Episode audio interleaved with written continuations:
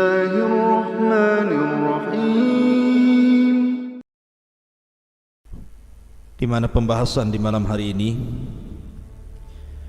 kita akan membahas tentang tiga tokoh misterius yang dipersangkakan sebagian manusia bahwa mereka diberikan usia yang panjang sehingga sampai hari ini sampai hari ini mereka tetap hidup. Tetapi entah berantah mereka di mana. Kononnya bahwa tiga manusia ini baru akan meninggal dunia di akhir zaman. Siapa mereka? Pertama Nabi Allah Khidir alaihi salatu wassalam yang kedua As-Samiri. Dan yang ketiga Saf atau dikenal dengan Ibnu Sayyad. Ma'asyiral muslimin yang dimuliakan Allah Subhanahu wa taala. Pertama kita ambil kisah Nabi Allah Khidir alaihi salatu wassalam. Bicara tentang Khidir sangat erat kaitan kisah Nabi Khidir ini dengan kisahnya siapa? Nabi Musa alaihi salatu wassalam jadi suatu ketika Nabi Musa alaihi salatu wassalam ini sedang berceramah di tengah-tengah Bani Israel tiba-tiba ada yang nyeletuk satu orang dan mengatakan ya Musa Apakah di sana ada orang yang lebih alim dibandingkan dirimu? Tiba-tiba Musa mengatakan tidak ada. Tidak ada orang yang lebih alim dibandingkan diriku. Musa lupa mengucapkan insya Allah.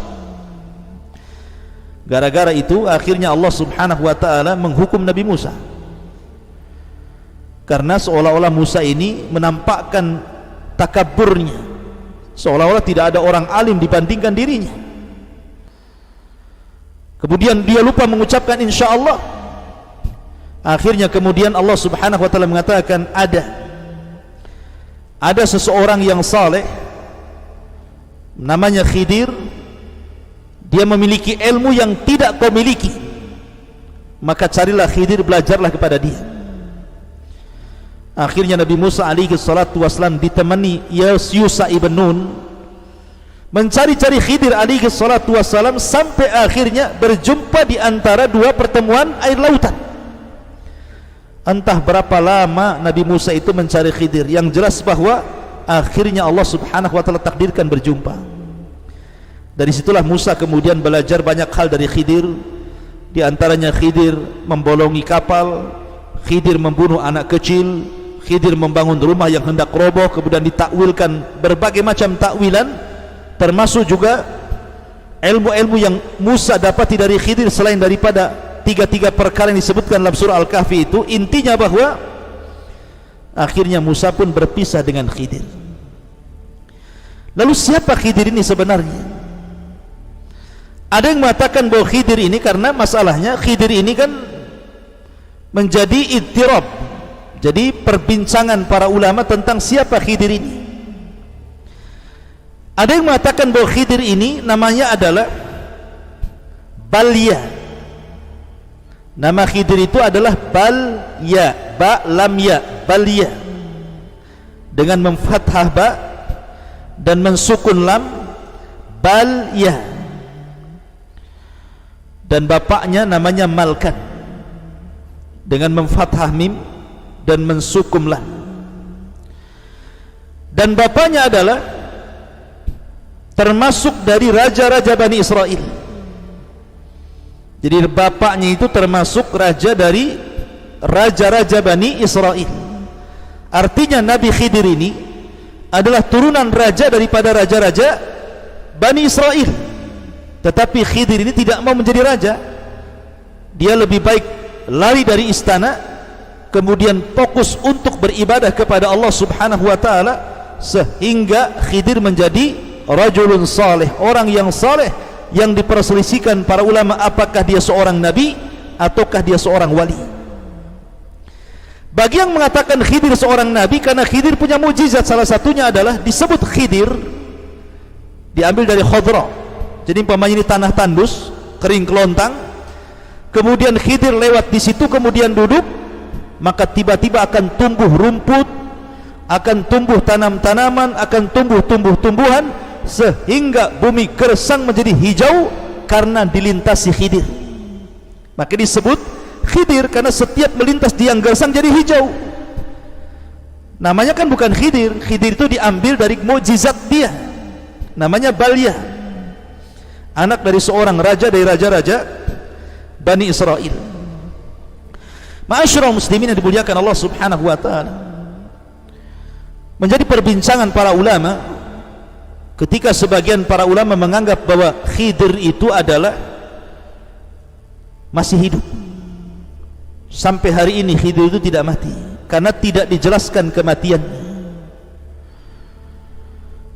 tetapi bagaimanapun nas-nas Al-Quran seperti surah Al-Anbiya ayat 34 wa maja'alna li ahadi min qablikal khulda afa imitta fahumul khalidun.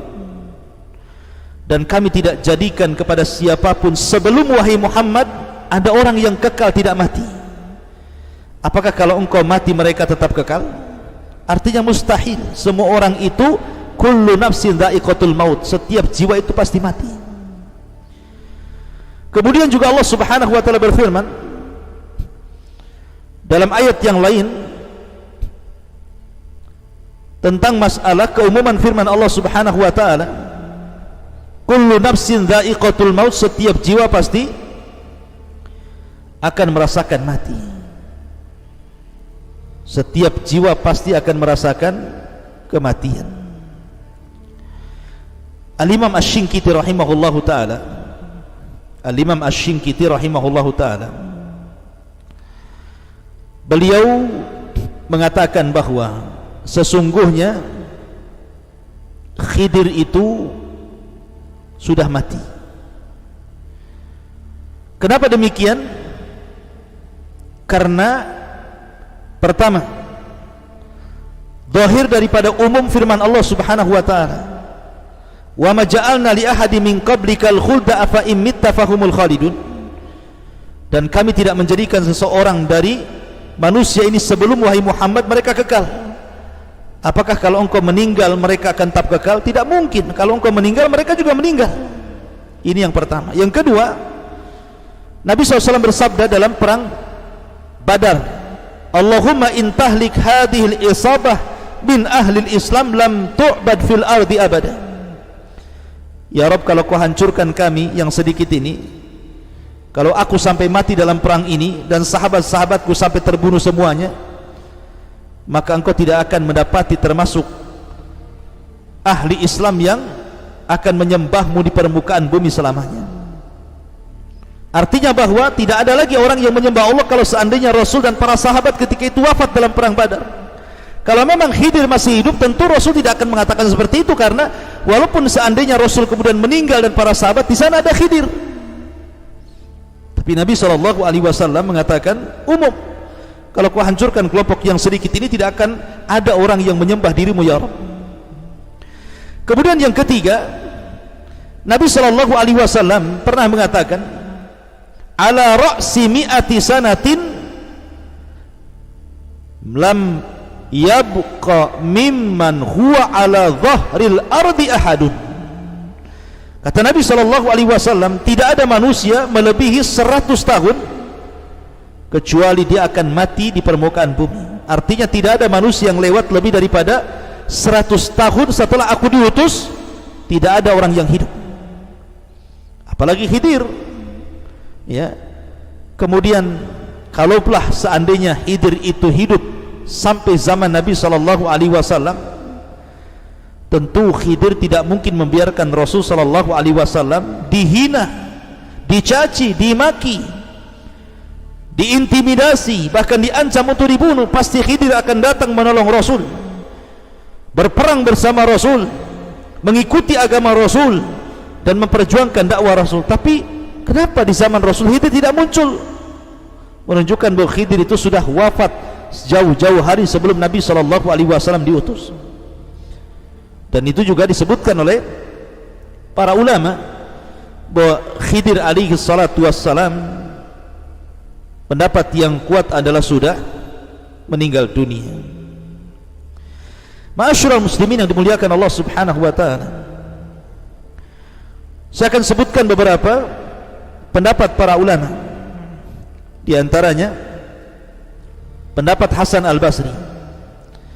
Qala Al-Hasanu innahuma berkata Hasan Al-Basri sesungguhnya Khidir sudah meninggal wa qala Ibnu Munawi la yathbut hadis fi baqaihi. Kata Imam Munawi tidak ada satupun hadis yang tertetapkan tentang hidupnya Khidir sampai hari ini. Wa qala al-Imam Abu Bakrin Ibn al-Arabi mata qabla inqidha'il mi'ati.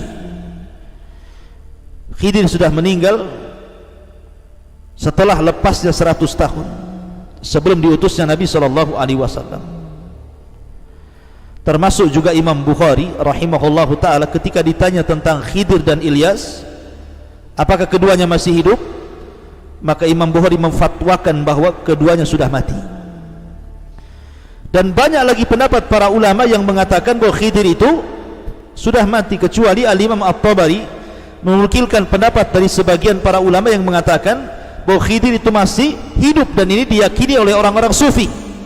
Bahwa Khidir itu masih hidup di tengah-tengah kita entah berantah di mana dia yang jelas dia masih hidup sampai hari ini. Tapi wallahu alam al ilmu indallah bahwa pendapat yang kuat bahwa Khidir itu sudah meninggal dunia. Wallahu alam. Sebagaimana tadi pendapat para ulama. Kemudian yang kedua kisah Samiri. Kemarin kita sudah menjelaskan sedikit tentang kisah Samiri Samiri ini namanya Musa ibn Dhafar. Dan Samiri disebutkan tiga kali dalam surah At-Toha dan Samiri adalah tokoh yang merupakan tokoh-tokoh munafik yang ada di tubuh Bani Israel di zaman Nabi Musa. Bahkan dia yang membuat kekacauan ketika Nabi Musa safar selama 40 malam untuk mendapatkan mandat Taurat. Tiba-tiba Samiri membuat patung anak sapi yang bersuara kemudian memerintahkan manusia untuk menyembah patung sapi dan mengatakan inilah Tuhan kita. Dan Musa bingung mencari Tuhannya padahal Tuhannya ada di sini katanya. Akhirnya kemudian ketika Musa alaihi salatu wassalam datang sampai papan Tauratnya kemudian dibanting dan berkecai akhirnya dia marah kepada Harun sehingga mengambil janggut dan kepalanya seolah-olah Harun membiarkan ketersesatan Bani Israel sepeninggal dirinya tapi Harun mengatakan ya Musa bahwa aku sudah berusaha tetapi mereka berani kepada aku dan mulai mengancam membunuhku. Berbeda dengan dirimu kuat dan kau ditakuti. Akhirnya setelah itu Musa pun memanggil Samiri. Dengan lembutnya Musa mengatakan wa ma khatbuka ya Samiri? Samiri apa yang membuat engkau menyesatkan Bani Israel? Kata Samiri yang membuat aku menyesatkan mereka adalah hawa nafsuku katanya. Maka dari situ Nabi Musa mengatakan idhab fa innalaka fil hayati an taqula la misas wa innalaka mau'idan lan tukhlafahu wangdur ila ilahika alladhi dhalta alaihi akifah kata Nabi Musa kau pergi sana. Tinggalkan kami di sini. Pergi sana dan engkau tidak mungkin didekati manusia dan manusia tidak mungkin mendekat kepada dirimu. Setelah itu Samiri pergi dan tidak tahu kabarnya. Setelah diusir oleh Nabi Musa alaihi salatu wassalam Samiri ini pergi. Dan tidak tahu kabarnya ada yang mengatakan bahwa Samiri ini bersembunyi di segitiga bermuda. Kemudian akan muncul di akhir zaman sebagai Dajjal laknatullah alaihi yang akan membawa fitnah terbesar di alam semesta ini. Tapi kita katakan bahawa Samiri bukan Dajjal. Dan Dajjal bukan Samiri. Samiri bukan orang yang ditangguhkan seperti Dajjal usianya. Tapi Dajjal ditangguhkan sampai di akhir zaman dan baru akan mati di tangan Isa Ibnu Maryam.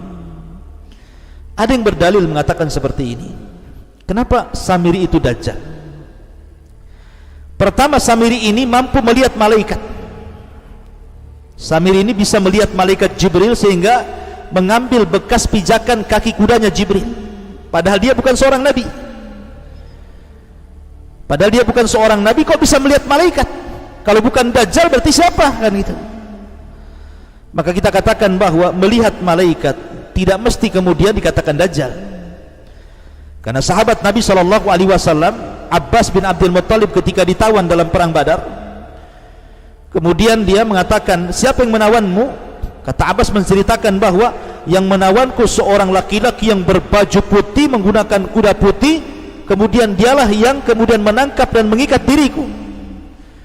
Kata Nabi sallallahu alaihi wasallam, "Faqad ayyadakallahu bimalakin karim." Bahwa yang menangkapmu, mengikatmu adalah malaikat. Malaikat. Lah Abbas melihat malaikat di sini. Ya. Jadi melihat malaikat tidak mesti kemudian ketika Samiri melihat malaikat Jibril dikatakan Dajjal tidak mesti para sahabat juga ada yang melihat malaikat. Bahkan Abu Sufyan pun menceritakan kepada Abu Lahab ketika kekalahan dalam perang Badar dia melihat ada sosok yang berpakaian putih menunggang kuda putih kemudian menghantam tentara orang-orang Quraisy dan dia katakan aku melihat itu semua. Sampai kata budaknya Fadl Ibn Abbas ini apa namanya mengatakan itulah malaikat yang menolong kaum muslim. Maka Abu Lahab marah kemudian dipukulnya budak Abbas itu. Masyarakat muslimin yang dimuliakan Allah subhanahu wa ta'ala. Adapun tentang dalil yang kedua yang mengatakan bahwa Kenapa Nabi Musa lembut kepada Samiri. Sudah jelas-jelas Samiri ini Menyesatkan Bani Israel Tapi kenapa dia lembut kepada Samiri dan mengatakan Wa makhot buka ya Samiri Kenapa kau lakukan itu wahai Samiri Kenapa lembutnya Nabi Musa kepada Samiri? Karena mereka mengatakan karena Dajjal itu akan tersulut emosinya ketika emosi. Jadi Rasul mengatakan tidak mungkin Dajjal keluar sampai tersulut emosi. Maka Nabi Musa supaya Samiri itu tidak tersulut emosi, dia pelan-pelan. Maka ini pun bukan hujah bahwa Samiri itu Dajjal. Bisa saja memang metode Nabi Musa seperti itu. Ya. Apalagi kalau umpamanya kita katakan bahwa dia muncul di segitiga bermuda, oh makin parah lagi karena Dajjal itu tidak muncul dari situ. Dajjal itu muncul dari Khurasan.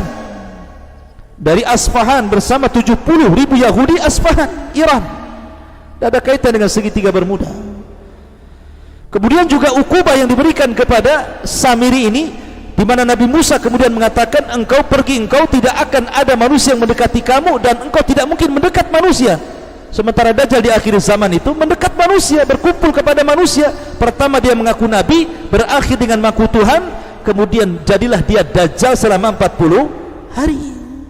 Jadi Samiri-Samiri Dajjal-Dajjal apakah Samiri sudah meninggal? Secara ayat-ayat umum ya Samiri sudah meninggal. Karena masalahnya tidak ada dalil meninggalnya Samiri atau hidupnya Samiri atau Samiri di mana. Al ilmu indallah bahwa ilmu itu ada di sisi Allah. Tetapi keumuman dalil tentang masalah apakah Samiri termasuk minal mungdarin makhluk yang dikecualikan seperti iblis kemudian ditangguhkan usianya dan juga seperti dajjal tidak ada dalilnya karena sekali lagi pendapat yang kuat dajjal bukan Samiri Samiri bukan dajjal. Maka dia tidak akan hidup sampai di akhir zaman seperti Dajjal dan juga Iblis. Kemudian yang terakhir Ibnu Sayyad. Ibnu Sayyad juga ada yang mengatakan dia Dajjal bahkan kalangan sahabat yang mengatakan dia Dajjal. Umar bin Khattab mengatakan dia Dajjal Jabir mengatakan dia Dajjal Abu Dar mengatakan dia Dajjal Habsah mengatakan dia Dajjal Ibnu Umar mengatakan dia Dajjal sampai bersumpah lagi tapi Nabi SAW masih ragu tentang kedajalannya Ibnu Sayyid sampai akhirnya oleh Rasul diteliti. Dan pendapat yang kuat dari kalangan para ulama Ibnu Sayyid bukan dajjal. Iya, dia dajjal tapi dajjal-dajjal kecil. Bukan dajjal yang akan keluar di akhir zaman. Saya akan nukilkan beberapa perkataan para ulama. Pertama Imam Baihaqi mengatakan, "Laisa fi hadithi Jabir akthar min sukutin Nabi sallallahu alaihi wasallam. Ala halafi Umar. Dalam hadis Jabir tidak bisa kemudian apa Nabi sallallahu alaihi wasallam apa diamnya Nabi SAW dalam hadis Jabir tentang sumpahnya Umar ini fayahtamilu an yakuna Nabi SAW kana mutawakkifan fi amrihi thumma ja'ahu thabat min Allah bi annahu ghairahu ala ma taqtadihi qissat Tamim ibn Aus Ad-Dari. Karena dalam hadis Jabir ketika Umar bersumpah bahwa Ibnu Sayyid Dajjal ini mengandung banyak kemungkinan boleh jadi Nabi SAW ragu-ragu. Setelah jelas perkaranya ternyata bukan Dajjal karena di sana ada hadis Tamim ibn Aus Ad-Dari yang berjumpa dengan Dajjal. Artinya di zaman yang sama pertama Ibnu Sayyid tinggal di kota Madinah yang kedua cerita Tamim ibn Aus Ad-Dari yang kemudian berlayar di sebuah di sebuah pulau kemudian berjumpa dengan Dajjal. Ini kan kontras bahwa Tamim ibn Aus Ad-Dari berjumpa dengan Dajjal di tempat lain dan Ibnu Sayyid juga di Madinah. Jadi Ibnu Said bukan Dajjal karena Dajjal di zaman itu sudah dijumpai oleh Tamim ibn Aus Ad-Dari. Bukan di Madinah tapi di pulau di tengah lautan. Maka dari sini menunjukkan bahwa Ibnu Sayyid bukan Dajjal. Iya dia Dajjal syaitan tetapi bukan Dajjal akbar yang akan keluar di akhir zaman.